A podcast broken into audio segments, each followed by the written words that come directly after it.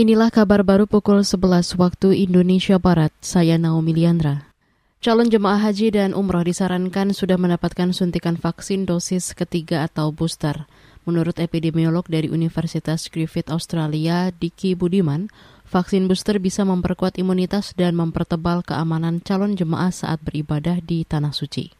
Nah, tentu Indonesia harus memperkuat, memperketat supaya uh, kita juga bisa menunjukkan bahwa memang kita juga sekarang melalui masa puncak ini juga kita orang-orang jamaah-jamaah kita yang untuk ibadah ya umroh nah, ataupun nanti haji adalah jamaah-jamaah yang sudah berstatus vaksinasi bukan hanya penuh dua dosis tapi juga ketika dia sudah lebih dari enam bulan sudah di booster dan disiplin melakukan protokol kesehatan.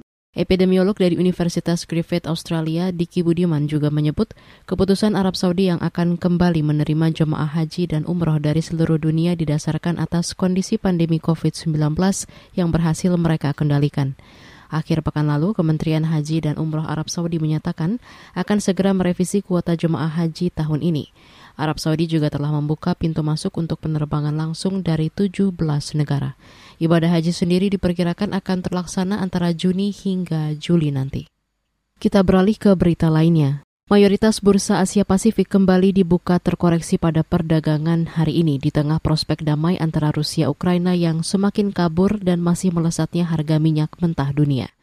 Hanya indeks Hang Seng Hong Kong dan Shanghai Composite China yang dibuka di zona hijau hari ini, sedangkan sisanya cenderung kembali terkoreksi. Sedangkan untuk harga minyak dunia pagi ini kembali melesat lagi. Harga minyak jenis Brent berada di 123 dolar Amerika per barel, melonjak 4 persen sekaligus jadi yang termahal sejak Maret 2012 atau 10 tahun lalu. Sementara harga minyak jenis light sweet harganya 120 dolar Amerika per barrel, rekor tertinggi sejak Juli 2008. Demikian kabar baru KBR, saya Naomi Liandra.